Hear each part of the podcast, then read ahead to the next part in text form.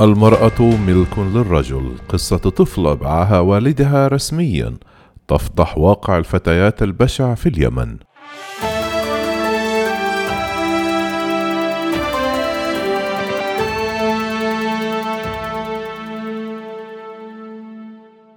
ساعد ليمون حملة أطلقتها جهات حقوقية يمنية ومستخدمون في موقع تويتر. للمطالبة بإعادة الطفلة اليمنية ليمون بعدما قام والدها ببيعها بوثيقة مسجلة أصولا وقد استطاعوا بالفعل بإبعاد الفتاة عن المشتري إعادتها لوالدها الأمر الذي حول الفرح إلى قصة. في التفاصيل كشف حساب يمني للدفاع عن حقوق المرأة أن عملية بيع بموجب سند حكومي تمت في البلاد بحق طفلة صغيرة ونشر القائمون على الحساب وثيقة تم البيع على أساسها. قال الحساب أن عملية بيع الطفلة تؤكد أن العبودية ما زالت موجودة في اليمن ولا يوجد أي تغيير لهذا الواقع القبيح مضيفة أن الطفل ليمون تم بيعها من قبل المجرم أبوها. وحملت الوثيقة ختما رسميا وأسماء شهود دونوا أسفل الاتفاقية التي كتبت على ورقة خاصة بوزارة العدل وفقا لما هو ظاهر في الصورة المنشورة. ووفقا لمضمون الوثيقة وما تداوله بين المستخدمين فإن عملية البيع تمت في أغسطس من عام 2019 في محافظة آب وسط اليمن والخاضعة لسيطرة الحوثيين. لكي يستطيع الأب ياسر عيد الصلاحي تسديد ديونه لطليقته قد تم البيع لصالح محمد حسن علي الفاتكي مقابل مبلغ 200 ألف ريال يمني أي ما يقارب حوالي 350 دولار. وبعد انتشار الوثيقة قام ناشطون بتأمين مبلغ مالي لدفعه للمشتري وإعادة الفتاة إلى والدها وتم توثيق ذلك بسند خطي آخر وهذا ما أثار سخط بعضهم وخوفه من إعادة بيعها مرة أخرى.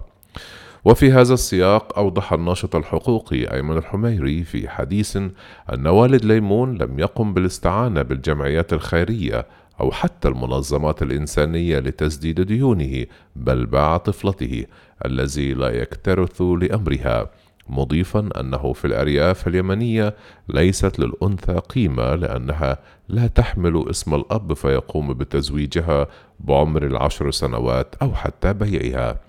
وأضاف أن ليمون ليست الأولى هناك وغيرها الكثير لافتا إلى أنه لم يتم تنظيم عقد زواج بل عقد بيع رسمي لعدم رغبة المشتري بجعلها زوجته وما ينتج عن ذلك من آثار قانونية بل يريد استعبادها للقيام بأعمال البيت بمنطق القرون الوسطى.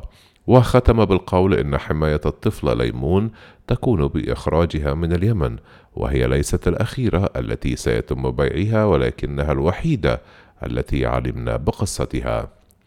من جهتها اعتبرت الناشطة اليمنية أحلام جربان المقيمة في فرنسا أن ما حدث يعتبر ناتج طبيعي لواقع بشع تعيشه المرأة اليمنية معتبرة أن الحادثة ليست الأولى ولن تكون الأخيرة حيث الإتجار بالبشر أحد أبرز مخلفات الحروب والجهل والفقر.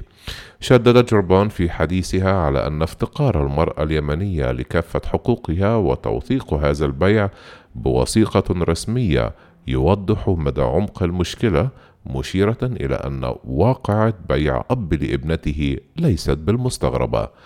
وأضافت الناشطة النسوية أن حوادث اعتداء الأب على بناته في اليمن في وتيرة متصاعدة وأشارت إلى أن المجتمع اليمني مجتمع ذكوري حيث تعتبر المرأة إحدى ممتلكات الرجل وله الحق ببيعها وشرائها بالطريقة التي يختارها فضلا على أنه من يختار مصيرها وملابسها وقرارتها الشخصية من الزواج وصولا إلى الطلاق.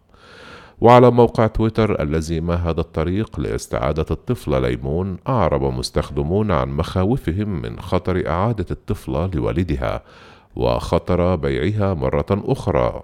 وطالب بمحاسبة الأب والمشتري وصولا إلى إنزال عقوبة الإعدام بحقهما كما ناشد آخرون المنظمات الدولية في مقدمتها اليونيسيف التدخل لحماية الطفلة